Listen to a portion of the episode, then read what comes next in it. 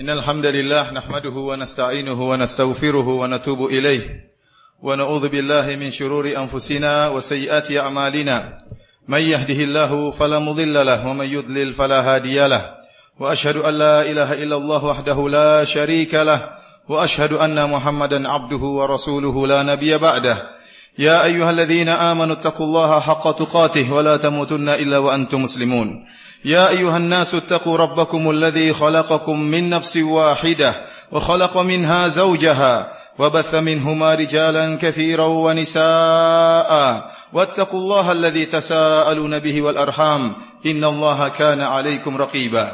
يا أيها الذين آمنوا اتقوا الله وقولوا قولا سديدا. يصلح لكم أعمالكم ويغفر لكم ذنوبكم ومن يطع الله ورسوله فقد فاز فوزا عظيما أما بعد فإن أصدق الحديث كتاب الله وخير الهدى هدى محمد صلى الله عليه وسلم وشر الأمور محدثاتها وكل محدثة بدعة وكل بدعة ضلالة وكل ضلالة في النار Para hadirin yang dirahmati oleh Allah Subhanahu wa taala. Setiap manusia pasti menghadapi permasalahan. Dia diciptakan di atas muka bumi ini dengan problematika kehidupan.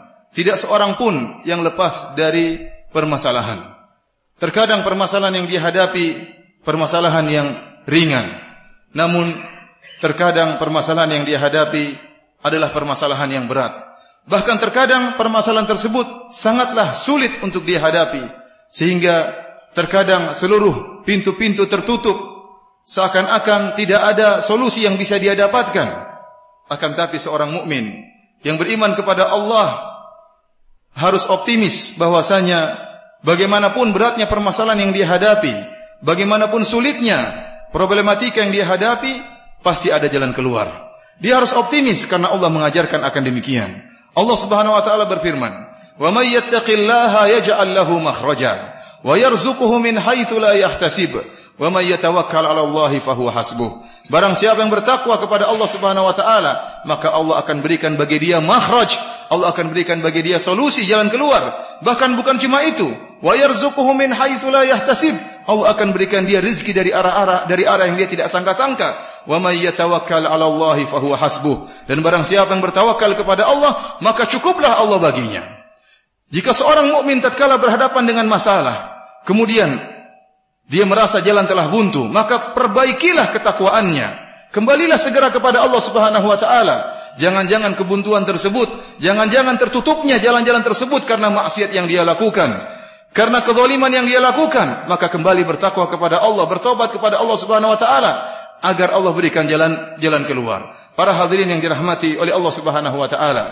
Di antara senjata seorang mukmin, silahul mukmin yang hendaknya selalu menyertai seorang mukmin dalam menghadapi segala permasalahan dan segala problematika adalah berdoa kepada Allah Subhanahu wa taala. Senjata yang sangat ampuh, senjata yang bisa mendatang berbagai macam keajaiban jika dipanjatkan dengan tulus dari hati yang sangat dalam dengan penuh pengharapan dan ber, berhusnudzon kepada Allah Subhanahu wa taala maka kita akan dapat niscaya tersebut sangat senjata tersebut sangatlah ampuh lihatlah para anbiya orang-orang yang bertakwa kepada Allah orang-orang yang di puncak kesolehan mereka juga menghadapi permasalahan. Mereka juga menghadapi kondisi-kondisi yang sangat genting tetapi mereka memiliki senjata yang sangat ampuh yaitu berdoa kepada Allah Subhanahu wa taala. Nabi Muhammad sallallahu alaihi wasallam dalam perang Badar perang yang merupakan perang pertama antara ahli tauhid dengan ahlu syirk. Tatkala itu jumlah kaum muslimin hanya 300 sekian orang, sementara musuh tiga kali lipat, 1000 orang. Maka Rasulullah wasallam di malam hari, tatkala para sahabat semuanya tidur, Rasulullah sallallahu salat malam. Kemudian tatkala di pagi harinya, tatkala mulai peperangan, maka Nabi wasallam berduaan bersama Abu Bakar As-Siddiq radhiyallahu taala anhu. Mereka berdua kepada berdoa kepada Allah Subhanahu wa taala sementara para sahabat yang lain berperang. Maka Abu Bakar berdoa kepada Allah menemani Nabi sallallahu alaihi wasallam. Dan Nabi sallallahu alaihi wasallam berdoa kepada Allah dengan mengangkat kedua tangan beliau sampai-sampai selendang beliau, ridak beliau jatuh dari pundak beliau karena doa yang beliau yang panjatkan yang begitu penuh pengharapan kepada Allah Subhanahu wa taala. Bahkan beliau berkata Allahumma intahlak hadhil isaba falan tu'bad. Ya Allah seandainya kami meninggal dunia maka engkau tidak akan disembah. Nabi sallallahu alaihi wasallam mengatakan Allahumma anjis wa'dak. Ya Allah penuhilah janjimu ya Allah. Tatkala itu Abu Bakar radhiyallahu taala anhu kasihan melihat Nabi sallallahu alaihi wasallam yang berdoa dengan penuh pengharapan. Abu Bakar sudah selesai berdoa, Nabi masih terus berdoa. Maka Abu Bakar berkata, "Ba'dha munasyadatika ya Rasulullah, wahai Rasulullah, Sebagian doamu sudah cukup wahai Rasulullah. Allah akan mengabulkan doamu. Akan tapi Nabi tidak peduli. Nabi terus mengangkat kedua tangannya dan terus berdoa kepada Allah Subhanahu wa taala sampai Allah turunkan firman-Nya, "Idz tastaghithuna rabbakum fastajaba lakum anni mumiddukum bi alfin minal malaikati murdifin." Tatkala kalian beristighatsah kepada Allah, memohon kepada Allah, maka Allah pun mengabulkan permintaan kalian dengan menurunkan seribu malaikat yang datang berduyun-duyun. Kemudian lihatlah apa yang dialami oleh Nabi Ayub. Kata Allah Subhanahu wa taala, "Wa Ayyuba idz nada rabbahu anni masani adh-dhurr wa anta arhamur rahimin." Dan Nabi Ayub alaihi salam tatkala ditimpa dengan kemudaratan, tatkala diberi ujian oleh Allah dengan sakit yang sangat menjijikkan di sekujur tubuh beliau. Kemudian datanglah sebagian kaumnya menyenguk Nabi Ayub. Kemudian di antara mereka ada yang nyeletuk mengatakan, kalau Ayub tidaklah dia mengalami ujian tersebut, tidaklah dia diberi penderitaan oleh Allah kecuali karena ada maksiat yang dia lakukan. Maka tatkala itu hati Nabi Ayub tersentak, maka dia berdoa kepada Allah Subhanahu wa taala agar diangkat kesulitan yang dia hadapi tersebut dengan mengatakan anni masani dhur. Dia mengatakan ya Allah, aku mengalami penderitaan. Nabi Ayub menunjukkan kerendahannya dan kebutuhannya kepada Allah Subhanahu wa taala. Anni masani dhur, ya Allah aku sedang dialami dengan penderitaan. Aku mengalami kesulitan ya Allah. Wa anta arhamur rahimin. Dan engkau adalah zat yang maha pengasih lagi maha penyayang. Apa kata Allah? Fastajibna lahu wa kashafna ma bihi min dhur. Maka kami pun mengabulkan permintaannya dan kami menghilangkan kependeritaan yang dia rasakan dengan satu ucapan yang tulus dari Nabi Ayub alaihissalam yang keluar dari hati maka menghilangkan penderitaan yang dia rasakan. Lihatlah Nabi Yunus alaihissalam. Wa dhannuni idh dhahaba mughadiban fa dhanna an lan naqdir alayhi. Fanada fi dhulumati an la ilaha illa anta subhanaka inni kuntu minadh dhalimin. Dan Nabi Yunus alaihissalam tatkala diuji oleh Allah Subhanahu wa taala dan ditelan oleh ikan paus maka dia pun berada dalam tiga kegelapan. Kegelapan malam kegelapan lautan dan kegelapan perut ikan paus. Maka dia berkata la ilaha illa anta subhanaka inni kuntu minadh dhalimin dia mengatakan ya Allah tidak ada yang berhak disembah kecuali engkau dan sungguhnya aku termasuk orang-orang yang melakukan kezaliman. Maka kata Allah Subhanahu wa taala fastajibna lahu wa najjaynahu minal gham wa kadzalika nunjil mu'minin kata Allah Subhanahu wa taala dan kami pun mengabulkan permintaannya. Fastajibna lahu, kami mengabulkan permintaannya. Wa najainahu minal gham dan kami menyelamatkan Nabi Yunus alaihissalam dari kesulitan yang dia hadapi. Kemudian kata Allah wa kadzalika nunjil mu'minin dan demikianlah kami menyelamatkan orang-orang yang beriman. Seakan-akan Allah berkata wahai kaum mukminin dikabulkannya doa bukan hanya untuk khusus Nabi Yunus alaihissalam tetapi berlaku bagi setiap mukmin. Oleh kerana Allah berkata wa kadzalika nunjil mu'minin dan demikianlah kami menyelamatkan kaum mukminin. Maka setiap mukmin yang berdoa kepada Allah Subhanahu wa taala akan dihilangkan kemudaratannya, akan diangkat kesulitannya oleh Allah Subhanahu wa taala. Para hadirin yang dirahmati oleh Allah Subhanahu wa taala, Allah mengatakan, "Falaula annahu kana minal musabbihin, lalabitha fi batnihi ila yaumi yub'atsun." Kalau bukan Nabi Nuh alaihi salam termasuk orang-orang yang bertasbih, yang berdoa kepada Allah Subhanahu wa taala, maka dia akan berada dalam perut ikan paus tersebut sampai hari kiamat. Seandainya dia tidak berdoa kepada Allah, Allah tidak akan selamatkan dia. Allah tidak akan menghilangkan kesulitan yang dia hadapi akan tapi dia berdoa kepada Allah Subhanahu wa taala. Karenanya para hadirin rahmati Allah Subhanahu wa taala, Betapapun masalah yang kita hadapi, jangan pernah lupakan doa. Benar kita berusaha, benar kita berusaha mencari solusi, mencari jalan keluar. Tapi solusi yang pertama adalah berdoa kepada Allah Subhanahu Wa Taala. Dan jangan pernah kita meremehkan doa. Sungguh doa akan mendatangkan berbagai macam keajaiban. Bayangkan, begitu masalah besar besar masalah yang kita hadapi, ternyata terkadang dengan satu ucapan yang tulus di tengah malam kita panjatkan panjatkan kepada Allah Subhanahu wa taala dengan aliran air mata, maka penderitaan yang selama ini kita hadapi bisa dihilangkan oleh Allah dengan sekejap.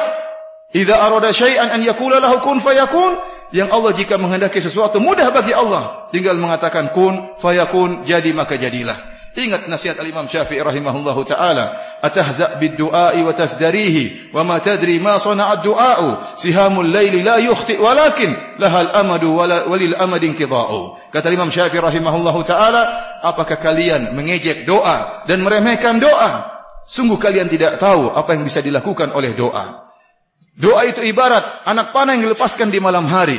Pasti akan kena sasaran. Meskipun ada waktunya, namun satu saat akan mengenai sasaran tersebut. Betapapun kita berdoa, pasti akan dikabulkan oleh Allah Subhanahu Wa Taala. Meskipun terkadang kita harus menanti jawaban, akan tapi pasti akan dikabulkan oleh Allah Subhanahu Wa Taala. Aku lu qauli hadza astaghfirullah li wa lakum wa lisairil mu'minin innahu huwal ghafurur rahim.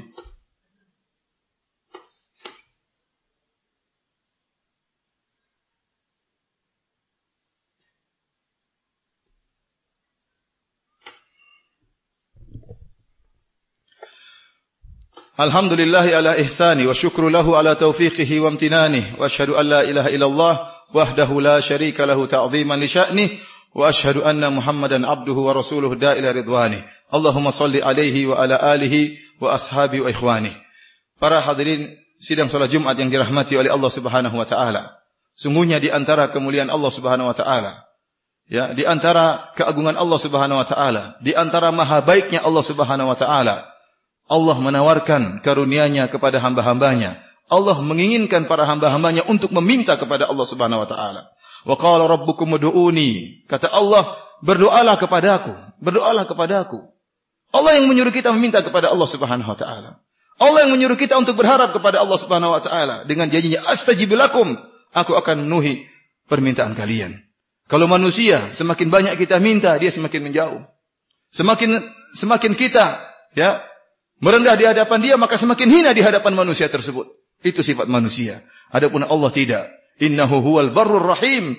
Dialah Allah yang maha baik dan maha penyayang. Semakin seorang merendah di hadapan Allah, semakin seorang banyak minta kepada Allah, maka dia semakin mulia di sisi Allah Subhanahu wa taala. Allah yang menawarkan untuk diminta. Allah yang menawarkan karunia-Nya kepada hamba-hambanya. Lantas kenapa kita ragu untuk minta kepada Allah Subhanahu wa taala? Kenapa kita masih malas berdoa kepada Allah Subhanahu wa taala? Terutama tatkala kita sedang sujud. Udu Allah, berdoalah kalian tatkala kalian sedang sujud. Nabi sallallahu alaihi wasallam bersabda dalam hadisnya, "Aqrabu ma yakunul 'abdu min rabbih wa huwa sajid." Seorang sangat dekat dengan Rabbnya tatkala sedang sujud, tatkala dia menghinakan dirinya, tatkala dia meletakkan tempat posisinya yang paling mulia kepalanya dia letakkan rata dengan tanah dengan penuh merendah. Tatkala itu dia sangat dekat dengan Allah Subhanahu wa taala maka itu saat yang sangat tepat untuk dia berkeluh kesah kepada Allah Subhanahu wa taala. Untuk dia curhat mengeluarkan seluruh isi hatinya kepada Allah Subhanahu wa taala. Ingat Allah yang menawarkan untuk dimintai. Maka jangan pernah ragu untuk berdoa kepada Allah Subhanahu wa taala. Jangan pernah ragu untuk merendah dan berharap kepada Allah Subhanahu wa taala. Sungguhnya Rabb kita Al-Barrur Rahim adalah zat yang maha baik dan zat yang maha penyayang. Inna Allah malaikatahu yusalluna ala nabi ya ayyuhalladzina amanu sallu alaihi wa sallimu taslima. Allahumma salli ala Muhammad wa ala ali Muhammad kama sallaita ala Ibrahim wa ala ali Ibrahim innaka Hamidum Majid. Wa barik ala Muhammad wa ala ali Muhammad kama barakta ala Ibrahim wa ala ali Ibrahim innaka Hamidum Majid. Allahumma ighfir lil muslimina wal muslimat al ahya'i minhum wal amwat إنك سميع قريب مجيب دعوات ويا قاضي الحاجات. اللهم آت نفوسنا تقواها وزكها أنت خير من زكاها أنت ولي ومولاها. ربنا آتنا في الدنيا حسنة وفي الآخرة حسنة وقنا عذاب النار. اللهم انصر إخواننا المستضعفين في فلسطين. اللهم أهلك عدوهم. اللهم عليك بأعدائك أعداء الدين. عليك باليهود الغاصبين. اللهم أهلكهم يا منزل الكتاب يا يا مجري السحاب ويا هزم الأحزاب اهزمهم وزلزلهم من تحت أقدامهم. ربنا آتنا في الدنيا حسنة وفي الآخرة حسنة وقنا عذاب النار وأقيموا الصلاة.